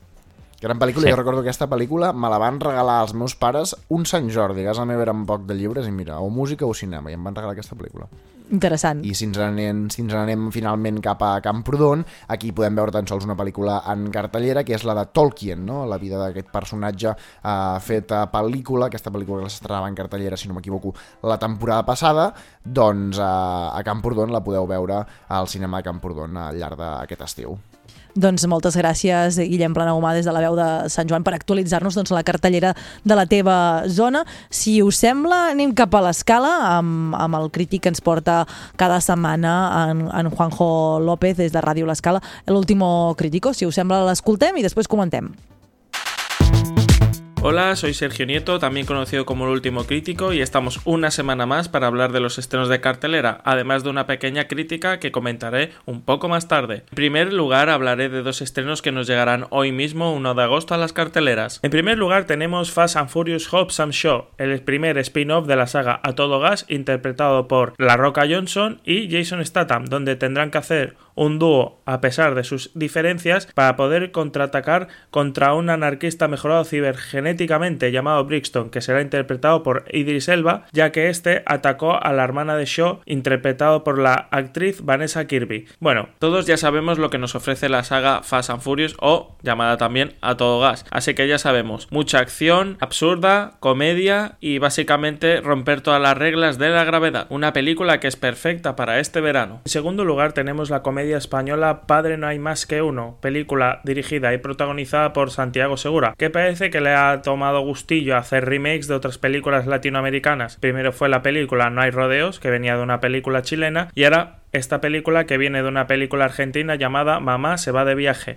donde un hombre tendrá que hacerse cargo de sus cinco hijos cuando su mujer decide irse de viaje y dejarle solo con ellos. La caótica situación que provoca en esa casa evolucionará de forma progresivamente cómica hasta el desastre más absoluto. Una comedia familiar que aleja un poco más a Santiago Segura de su personaje icónico Torrente. A partir del 2 de agosto también podremos disfrutar de la película Alcanzando tu sueño, un drama musical donde Violet es una introvertida adolescente que vive en la isla de Wright en Inglaterra y que sueña con convertirse en una estrella de pop para poder así alejarse de su triste panorama familiar. Una película que intentará combatir contra los dos mastodontes que son Fast and Furious House and Show y Padre no hay más que uno. Y la sorpresa para los cinéfilos es que esta semana se reestrena la obra maestra Cantando bajo la lluvia, dirigida por Stanley Donen y Gene Kelly. Una película que no necesita presentación, que es sin duda una joya musical que todo el mundo debería ver, que se estrenará en Cinemas Las Vegas en Figueras y solo durará una semana en cartelera. Partir de este 1 de agosto. Y en esta semana la crítica irá para El Rey León, la nueva versión para este año 2019 que ha sido estrenada en cines y que en esta ocasión deja de lado la animación para hacer una especie de live action, aunque no lo es, porque una live action es una película con personas y lo deja todo en manos de la gran capacidad de hacer una película por ordenador. Esta vez dirige John Favreau, ya es un viejo conocido para Disney que realizó la nueva adaptación del libro de la selva en el año 2016. En esta ocasión podemos decir que la adaptación del Rey León no arriesga absolutamente nada y cuando digo nada es nada, ya que es una traslación letra a letra y frase a frase de la versión animada que se realizó en el año 1994 y quien haya visto esa versión del 94 estará igual de contento si ve esta porque la historia es absolutamente la misma exceptuando una extensión de una canción y una escena que involucrará a Nala. Que podemos decir que Disney no ha arriesgado absolutamente nada en esta película pero no se puede decir que esta nueva adaptación del Rey León sea totalmente mala ya que tiene un nivel de animación que es realmente alucinante y que parece que estás viendo un documental en vez de una película con personajes animados por ordenador. Además de añadir que el agua, la vegetación están realmente muy conseguidas, llegando a un punto de fotorrealidad nunca visto antes por Disney. Y que en una sala en buenas condiciones y con un 3D bastante óptimo, seguro que hará las delicias de grandes y pequeños. Y que en definitiva y resumiendo, El Rey León esta nueva versión del 2019 no arriesga nada, es la misma película que se realizó en el año 1994 y realmente lo único por lo que podíamos ir a verla al cine es por la calidad asombrosa que tiene en los efectos visuales y el CGI. Aparte de que claramente todo el mundo el que haya visto el Rey León y le tenga cierto cariño no le importará volver a pasar otra vez por taquilla para ver de nuevo su gran aventura con Simba. Disfrutar de canciones como Akuna Matata. Eso es todo por esta semana. Sabéis que me podéis seguir por Twitter por arroba el último crítico, también por mi blog www.elultimocritico.com. Gracias por escucharme y hasta la semana que viene. Doncs sembla que el Rei León ha triomfat, eh, també, eh, entre els nostres crítics. Ens, en Juanjo López ens portava l'último crítico que ha anat a veure el Rei León i el nostre crític eh, d'aquí Vilafant, en Jacint Casademont, després de la seva baixa per culpa de, del coll, doncs també l'ha anat a veure i també té la seva opinió. Si us sembla, l'escoltem i si volem, ara que donarem pas també en Josep Mir, no sé si ella ha pogut anar-la a veure o no, ho comentem. Vinga, escoltem en Jacint. Bones de nou, amics i amigues. Per fi he pogut escapar-me i anar a veure el que, sens dubte, és una de les pel·lícules d'aquest estiu del 2019, que és El rei León. Sí, ha tornat al rugit. Com que a mi em va enganxar de ple quan es va estrenar el film d'animació original, he de dir-ho, que quedi constància. Però també us dic que no és ni de lluny un dels meus films preferits a Disney. Jo sóc més d'Aladin o d'Hèrcules. Però el tema. Aquí tenim un remake fet tot digitalment, des de les pedres als animalons. Això podia donar peu a fer una versió més realista de tot plegat, però no. Aquí la ratota Mickey eh, decideix apostar sobre segur, fer exactament el mateix.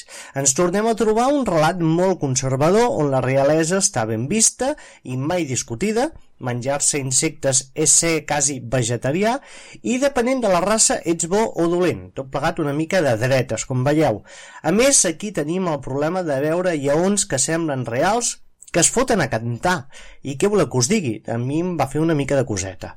L'animació està ben feta, tot i que en ocasions hi ha algun moviment que veus un xic forçat o fora de lloc, però en general res a dir perquè, ja us dic, està ben fet. La pel·lícula no és dolenta, però el servidor no hi connecta, per tot el que he exposat. El més curiós, però, és que la sala on era amb la gent, la... tothom estava molt entregant, no? Davant meu tenia un parell de persones que només veure sortir el sol, ja sabeu, la, la primera imatge que es veu de la pel·lícula, van alçar els seus vols de crispetes, tot criant a ple pulmó, a cigüenya. I mira, si això fa feliç a la gent, doncs mira, endavant. Jo potser és que sóc un xic més pragmàtic i em conformo amb que simplement vaig passar dues hores sense avorrir-me massa. I amb això, la veritat és que em dono per satisfet. Total, que tenim una pel·lícula que prescindible ho és, però que, mira, si acabes d'anar al cinema a combatre la calor, passa bé. Bé, fins aquí la meva ressenya del Rei León d'aquest 2019 i res, la setmana que ve més i segurament millor. Doncs amb la crítica d'en Jacint Casademont, eh, a Cigüenya, eh, que deia ell, eh, doncs anem eh, a seguir endavant a parlar de cinema. Tenim eh, des de Ràdio Salrà en Josep Mir, eh, el saludem. Bon dia, Josep, benvingut. Hola, bon dia. No sé si has pogut anar-la a veure, el Rei León, o et crida o no et crida. Mira, m'ha fet mandra, francament.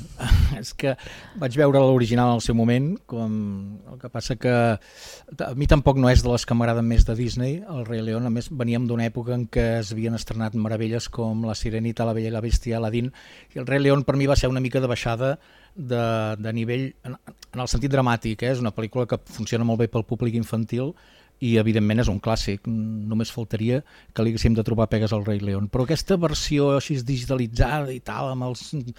m'ha fet mandra i ja està, no, no descarto veure-la més endavant però no m'ha no cridat l'atenció En Jacint ens deia que és més d'Aladín. Uh... Sí, home, clar, és que és, és completament diferent. Aladdin és una pel·lícula uh, més adulta, molt de sentit de l'humor, molt comèdia.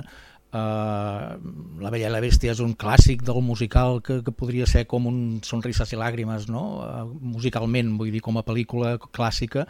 I el Rei León per mi doncs, va ser com una cosa de dir anem a fer una cosa amb un lleó en allà molt mono i tal, i, però bé, està, Per vendre merchandising, no, Josep? No ho sé, sí, però també... Perquè se n'ha Va, fet, és se n'ha igual, fet encara- moltes sèries, eh, del Rei León. Sí, sí, sí, no? I, i el musical que es va de, a fer després de teatre i tot, avui dia encara s'està representant amb molt d'èxit i no, no, està, està, està molt bé, però ja et dic que és una qüestió de preferències personals, no? Avui ens comentava en Lluís Salabert de, des d'aquí, des de Salrà, que, que avui havies vi- vist, havies vist Venganza Bajo Cero. Ens parlaries una mica de Venganza Bajo, Bajo Cero. Sí. Ai, el meu castellà. eh, és curiós que una pel·lícula que es titula Cold Pursuit, que seria eh, persecució freda, no? l'hagin titulat Venganza bajo cero. Potser perquè... Enganya una mica es el títol, no? Potser, en, en castellà. Va, Ja és això, eh? també ja tracta d'això. Eh? Dir, la, la, el títol castellà ja se diu amb el contingut de la pel·lícula i potser li han posat per eh, seguir amb la sèrie de pel·lícules de personatges venjatius de Liam Neeson, que últimament només fa que venjar-se i matar gent a les pel·lícules que fa. No ha quedat descansat. Uh, el tenim desconegut d'aquella època que va fer d'Oscar Schindler a la pel·lícula de Steven Spielberg, no? Però el, el que té de curiós aquesta pel·lícula és que és un remake, un més, de- d'una pel·lícula nòrdica, d'una pel·lícula noruega de l'any 2014, i la gràcia és que aquesta versió americana l'ha dirigit el mateix director que va fer la, la versió noruega, Hans Peter Moland, fins ara només havia fet pel·lícules al seu país, i aquesta és la primera pel·lícula que fa a Estats Units. I dius que, que porta a un, a un director que ja té més de 60 anys, per tant no és que s'estigui obrint camí en el món del cinema, eh, acceptar de dirigir o de tornar a dirigir la seva pròpia pel·lícula, en aquest cas en escenaris americans. No?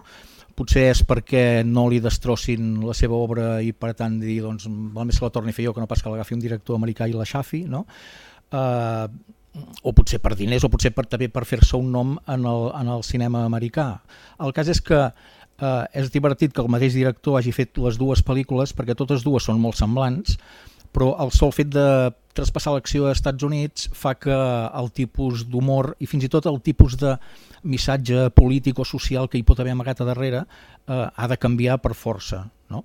El, el personatge protagonista és un home normal i corrent que eh, es dedica a treballar amb una màquina de treure neu en unes pistes d'esquí que un dia mm, el seu fill mor per una sobredosi de droga, quan resulta que amb ell no li constava que fos addicte a les drogues ni res, i de seguida descobreix que ha estat assassinat. Aleshores eh, es posa a intentar venjar la mort del seu fill i es fica entremig d'una guerra de bandes entre dos bandes de traficants de drogues, totes dues molt perilloses.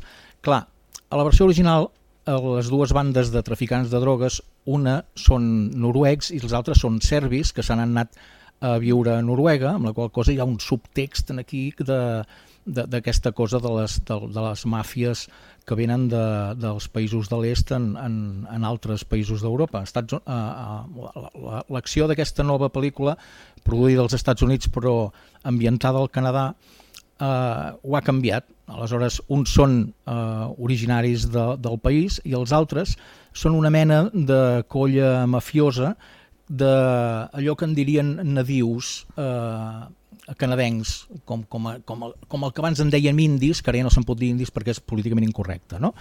I clar, això li dona una mica la volta a la, a la història, perquè els dolents, entre cometes, de la pel·lícula original són els serbis que venen de fora i s'instal·len al país per delinquir, i en canvi en aquesta versió americana són els primers habitants d'aquell territori que una manera que tenen ara de sobreviure i fer calés és eh, traficant amb drogues. No?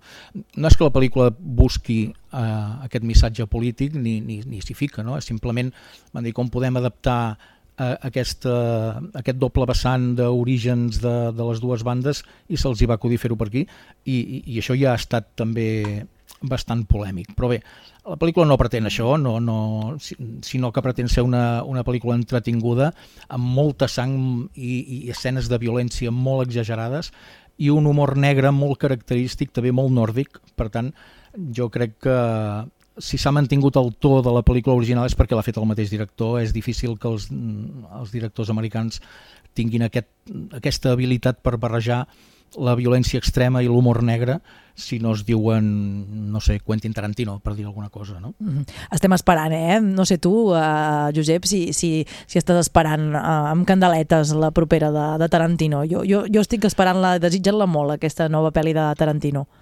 Jo també. Sí, sí. Ah, mira, Juanjo també diu. Doncs... Ai, mira, avui he vist un comentari del Twitter de Mark Frost, un, el guionista de Twin Peaks, juntament amb David Lynch, que diu que és la, per ell és la millor pel·lícula que s'ha fet sobre les interioritats del cinema americà des de Sunset Boulevard de Billy Wilder, i això és dir molt, eh? Ostres, Aleshores, doncs... m'han vingut ganes de veure-la de cop. Doncs- És allò que, allò que deies...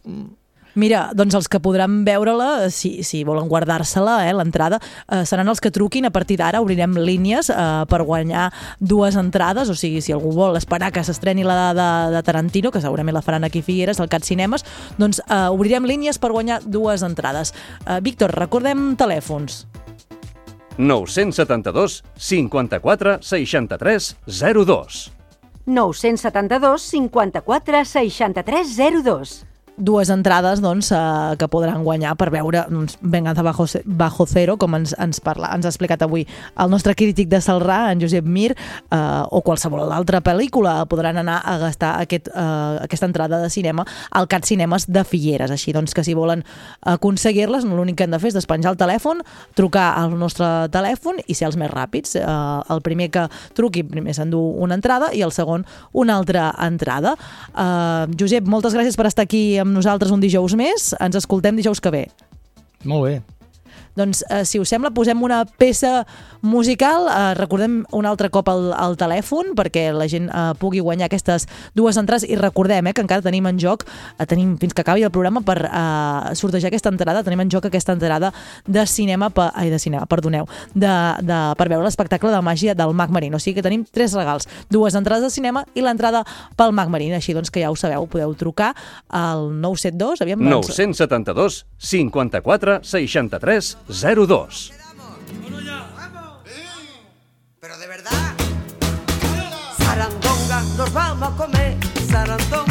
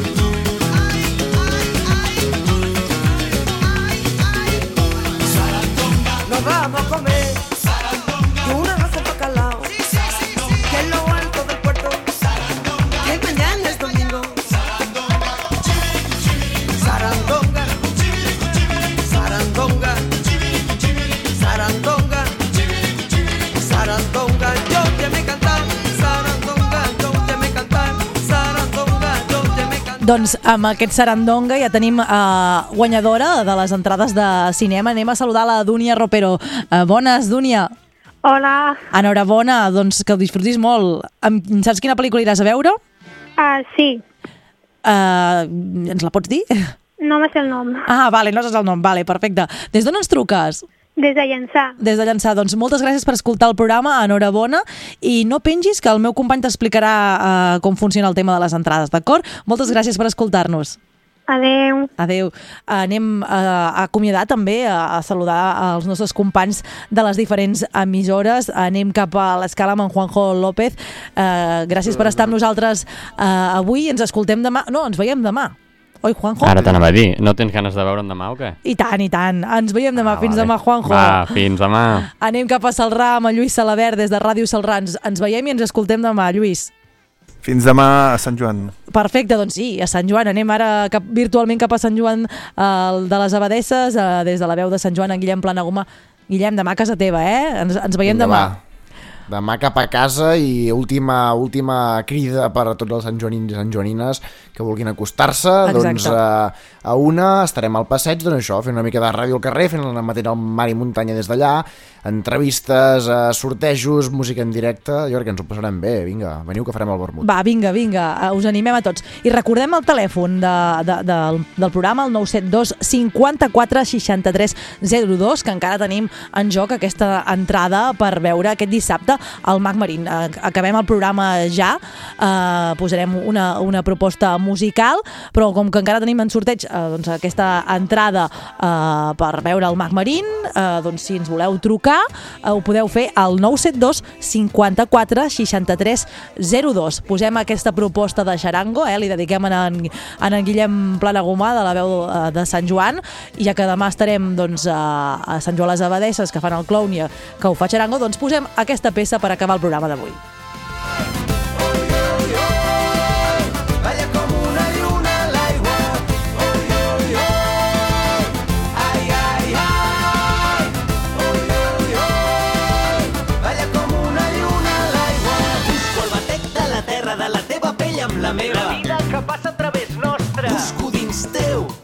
Els vaixells enfonsats dels dies. Busco la clau del teu regne amb les cançons. Vull descobrir-te amb tot el cos. Arribar-te a la boca, robar-te l'aire i tremolar tots dos